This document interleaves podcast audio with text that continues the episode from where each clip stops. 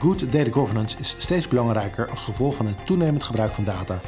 Maar wat is eigenlijk good data governance? En staat dit wel voldoende op de radar bij overheden? Welkom bij de Nationale Data Podcast van Verdonk, Klooster en Associates.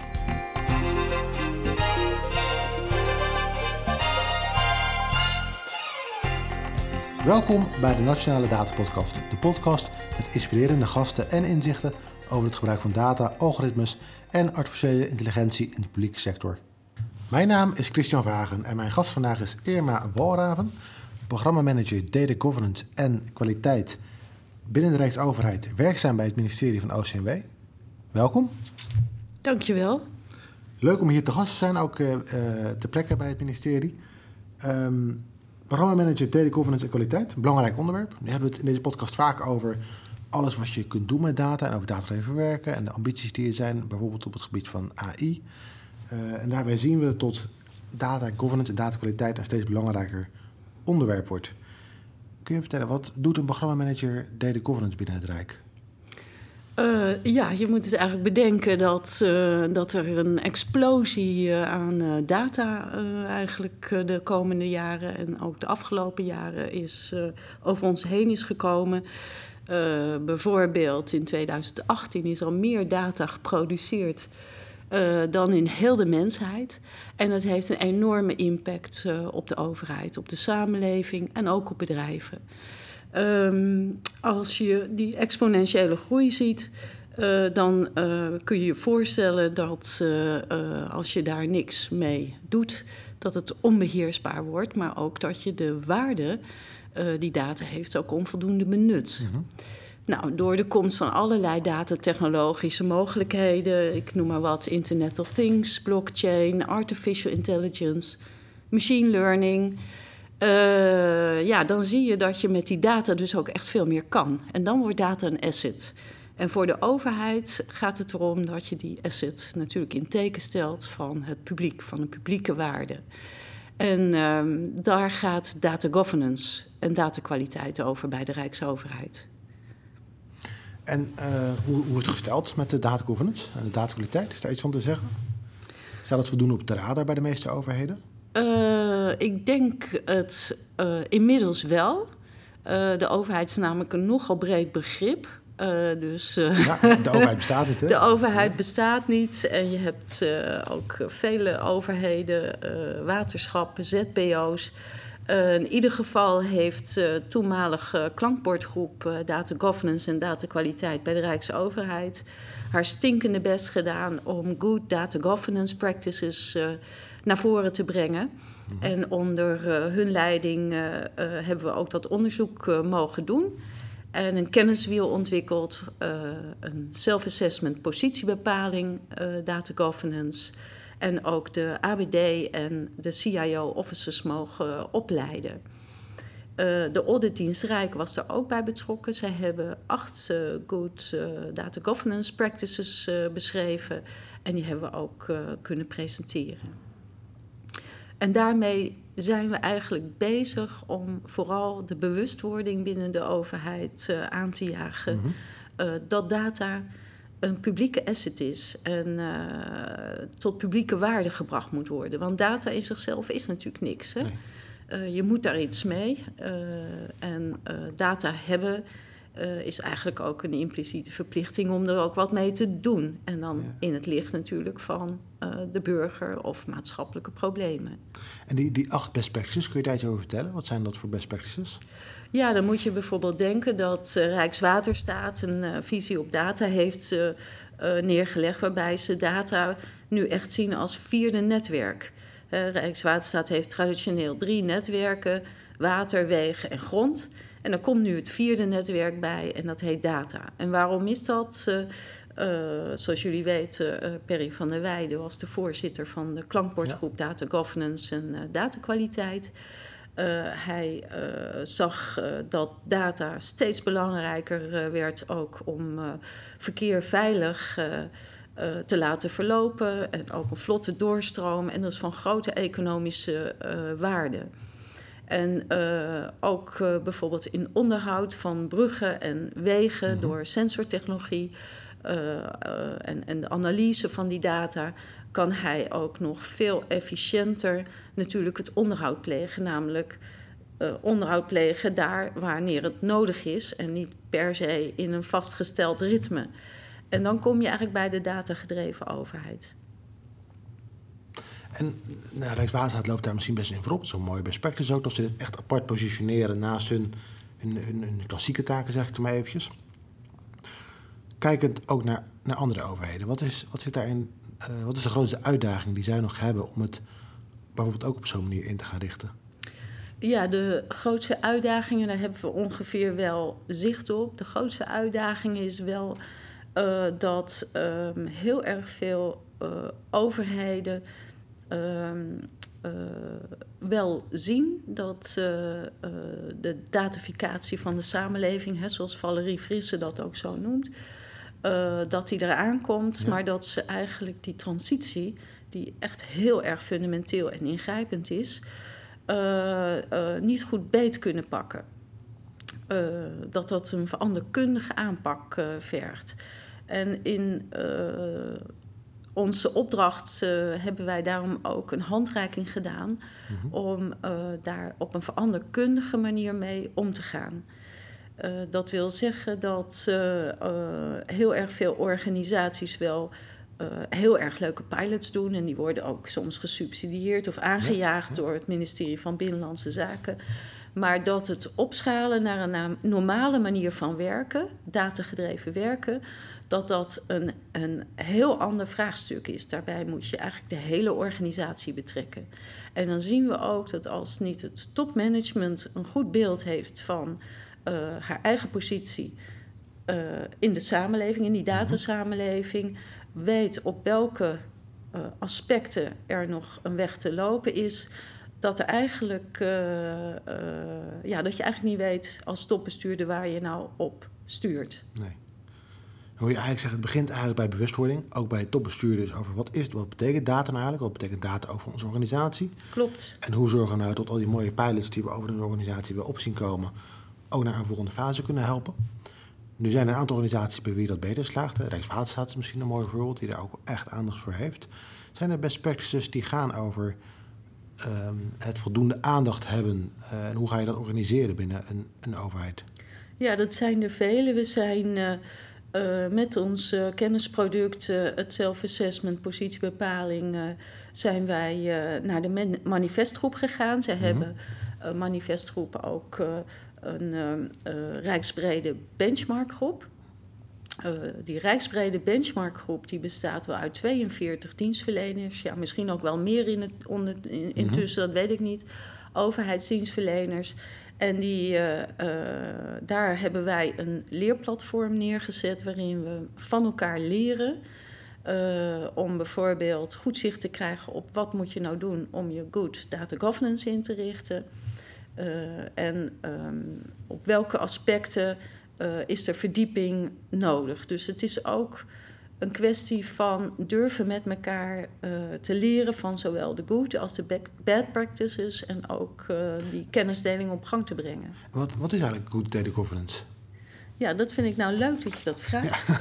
Ik heb dat hier ook even voor je meegenomen. Uh, want er zijn vaak wat misverstanden uh, over. Iedereen denkt altijd, oh, dat is toch data management? Nee, data management is daar wel een onderdeel van. Mm -hmm. Maar uh, data governance, en met name good data governance, gaat verder dan het traditionele data management. Good data governance gaat namelijk over sturing, inrichting en organisatie. En dan uiteraard, hè, je hoort het al, good governance erin zitten, ja. gaat het ook natuurlijk over de beginselen van behoorlijk bestuur. En dan moet je denken aan uh, legitimiteit, zorgvuldigheid, rechtszekerheid, uh, fair play, het vertrouwensbeginsel, transparantie. Mm -hmm. Echt zaken waar de overheid natuurlijk een extra hoge lat heeft, uh, waar het gaat over data in de publieke sector. En het ook tot waarde brengen van die data doen we dan ook natuurlijk vanuit het perspectief vanuit de burger. De burger staat centraal, de dienstverlening aan de burger staat centraal. Uh, maar ook uh, publieke opgaven. Bijvoorbeeld wat ik je net als voorbeeld gaf, Rijkswaterstaat die daarmee ook de verkeersveiligheid en de vlotte doorstroming kan bevorderen. het CIB die meehelpt om met behulp van blockchain en partners in de regio de schuldenproblematiek voor te zijn. laten we wel wezen, wil natuurlijk dat voor zijn. Uh, uh, door eens te kijken of ze daardoor met meer inzicht, door data te delen, data te combineren, uh, het voor te zijn dat er bijvoorbeeld een boetestapeling komt van iemand die eigenlijk toch al in, de, in de financiële problematiek zit. Um, dus Good Data Governance gaat over sturing, inrichting en organisatie. Daarom ligt het ook dat leiderschap, om daar mhm. leiderschap te tonen bij de top op basis van beginselen van, open, van, van behoorlijk uh, bestuur, vanuit perspectief vanuit de, vanuit de burger -hmm. geredeneerd en de, en de publieke opgave, waarbij data dan wordt gezien als publiek goed. En dat is best wel vernieuwend. Want dat betekent dat je dus ook uh, datakwaliteit op een heel hoog niveau moet brengen. Uh, blijft nu eenmaal zo garbage in, garbage out. Ja, dat, dat blijft natuurlijk lastig, hè? Datakwaliteit, dat is zo'n zo'n begrip wat, wat, waar iedereen wel zicht op voor heeft, maar vaak weinig feeling heeft. Wat is nou de datakwaliteit of hoe goed zou die nou eigenlijk moeten zijn? Uh, het sturen erop vraagt bewustzijn, daar hebben we het net even over gehad. Maar vraagt ook dat je daar je organisatie weer op gaat inrichten. Nu zien we bij steeds meer organisaties, ook bij steeds meer overheden, de komst van een Chief Data Officer, een CDO. Eh, herken je dat beeld dat die in opkomst is en wat vind je daarvan? Ja, zoals je misschien eh, weet, of niet, dat kan, heb ik daar een kleine studie naar gedaan uh, afgelopen zomer. Uh, van hoe, hoe, hoe gaan we nou ook werken aan professionaliteit op, op data? Want je ziet allerlei nieuwe data uh, beroepen ontstaan. Uh, data stewards, uh, data scientists, data analisten. En wij zeggen wel eens ook in die RBB-groep van ja, de, de, nieuwe ambtenaar is eigenlijk een, een, een data-analyst. Dat wordt de toekomst. Dat is niet meer een traditionele beleidsmaker, maar dat wordt echt een data-analyst. En als je dan kijkt naar het hele um, de opbouw van, van het hele ambtenarenkorps, dan zie je ook dat we worden natuurlijk steeds ouder als ambtenaar. We gaan er allemaal ook straks uit. Dan zul je waarschijnlijk zien dat daar een heel nieuw type ambtenaar komt. En toen ben ik eens gaan kijken, zijn daar nou ook al type ambtenaren die daarvoor eindverantwoordelijk zijn voor die data? En het tot meerwaarde brengen van de data. En dan zie je dat er af en toe hier en daar, zoals bij de gemeente Den Haag, een CDO is, zoals bij het RIVM.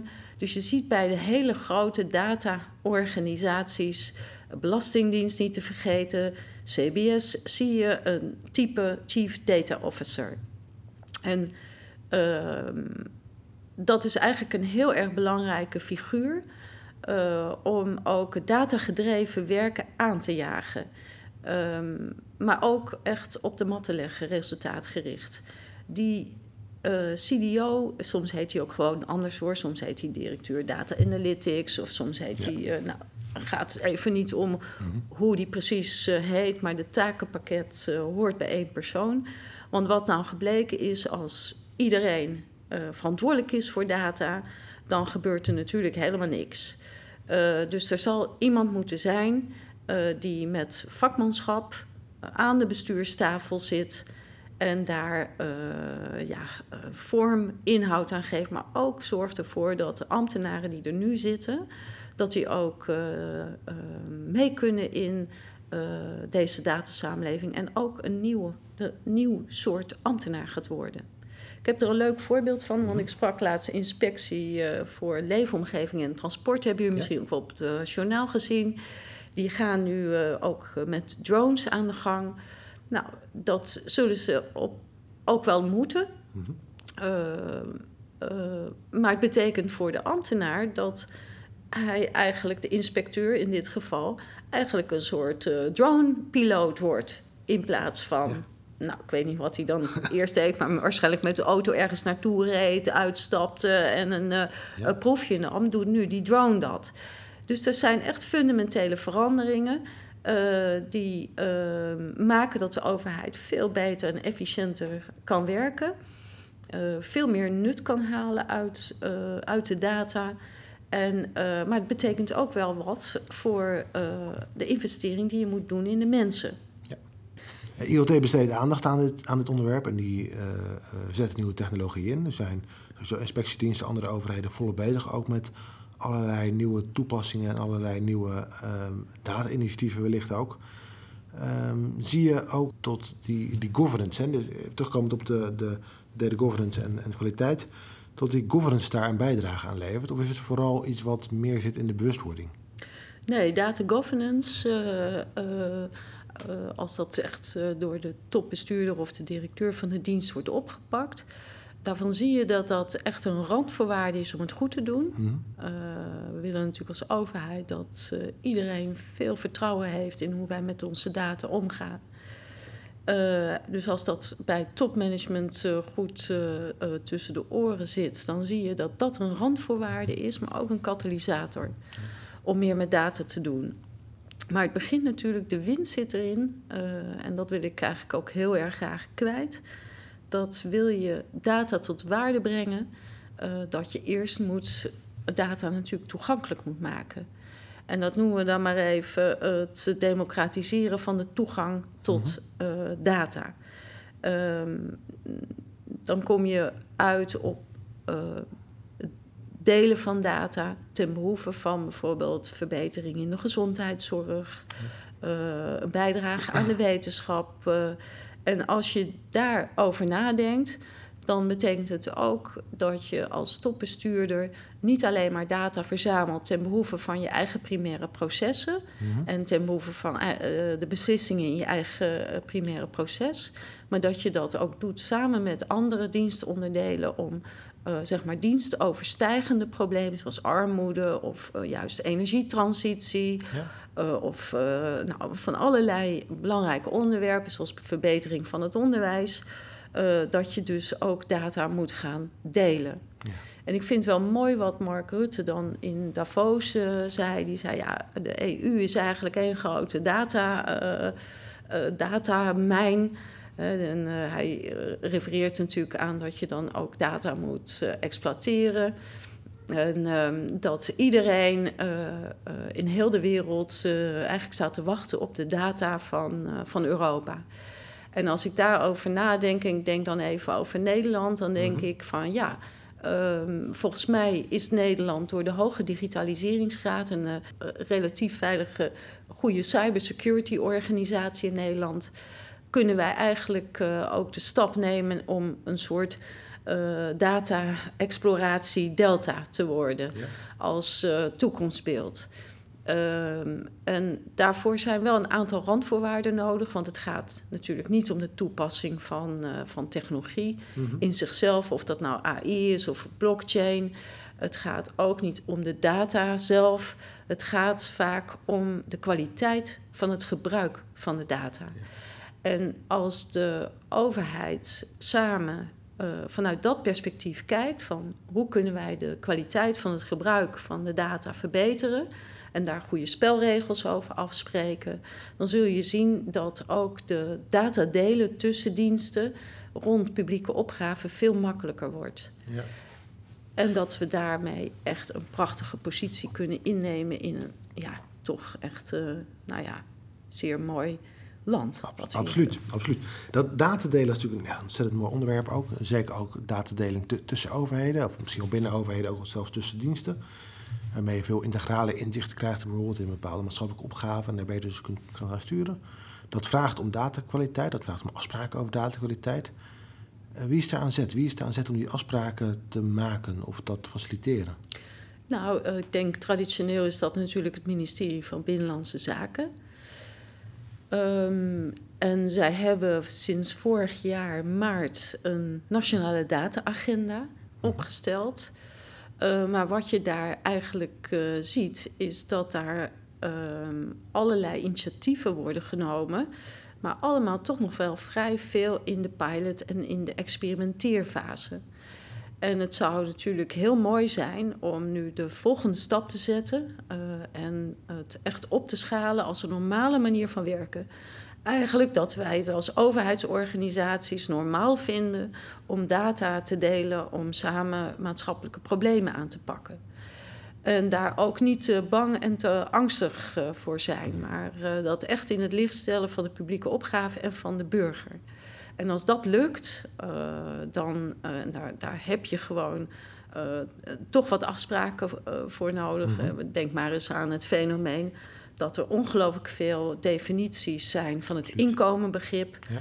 Uh, dus daar zul je toch ook met elkaar afspraken over moeten maken. Dat als we een inkomenbegrip mm -hmm. hanteren, uh, dat we die dan ook uh, met elkaar afspreken welk inkomenbegrip. En um, ja, daar, daar is dus ook nog wel een weg te gaan, maar het kan dus eigenlijk nog wel veel meer vanuit een gezamenlijke visie worden neergezet. Ook trouwens, economische zaken heeft een rol daarin, richting het bedrijfsleven. Uh, en um, daar zie je eigenlijk dat die scheiding tussen bedrijfsleven en overheid uh, in, in dataland uh, een beetje een uh, artificiële is, als ik ja. dat, zo, dat ja. woord zo mag zeggen, omdat data gaat overal naartoe. Als je ziet welke data ook bijvoorbeeld de Belastingdienst ontvangt van, van banken. Ja over bijvoorbeeld sparen, hè, want dat moet je opgeven als burger als je wat spaart, dan is daar dus al een publieke en private datastroom aan de gang.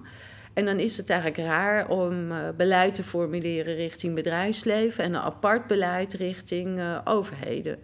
Je zult, denk ik, nog eens moeten kijken als, als, als, als, als publiek-private partners, hoe je nu uh, kunt samenwerken, wel met respect voor ieders eigen verantwoordelijkheid. We zijn natuurlijk geen bank als overheid of geen profitorganisatie. dus daar zit wel echt verschil in. Hè. We werken ook op basis mhm. van de wet. Legitimiteit ja. is een heel groot goed binnen de overheid. Legitimiteit van handelen ook. Maar op het gebied van data zou je dus de private sector ook wat meer kunnen verleiden die data met de overheid te delen. Want we zitten wel samen in één maatschappij. Absoluut. Volgens mij dat een hele mooie oproep eigenlijk ook wel... waarmee we ook richting het einde gaan van deze aflevering van de Nationale Data Podcast. Dat doen we niet voordat we ook uh, de vragen stellen van... nou, wie zouden we nou voor een volgende aflevering moeten uitnodigen? Oftewel, wie heeft nog meer een inspirerend dataverhaal?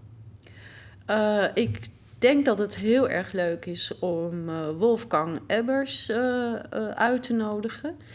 Hij heeft een bijzonder leerstoel bij de Erasmus Universiteit. Ik ken hem verder trouwens niet. ik hoop graag zelf ook eens met hem kennis te maken. Hij gaat zich bezighouden met de impact van de digitalisering op, op de overheid. Dank, dat klinkt als een mooi onderwerp en hopelijk horen we hem binnenkort terug ook in de, deze podcast. Nogmaals, dankjewel. Graag gedaan.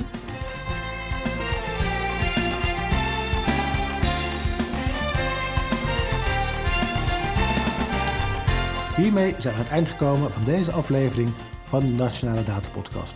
In de show notes bij deze podcast vindt u meer informatie over Good Governance.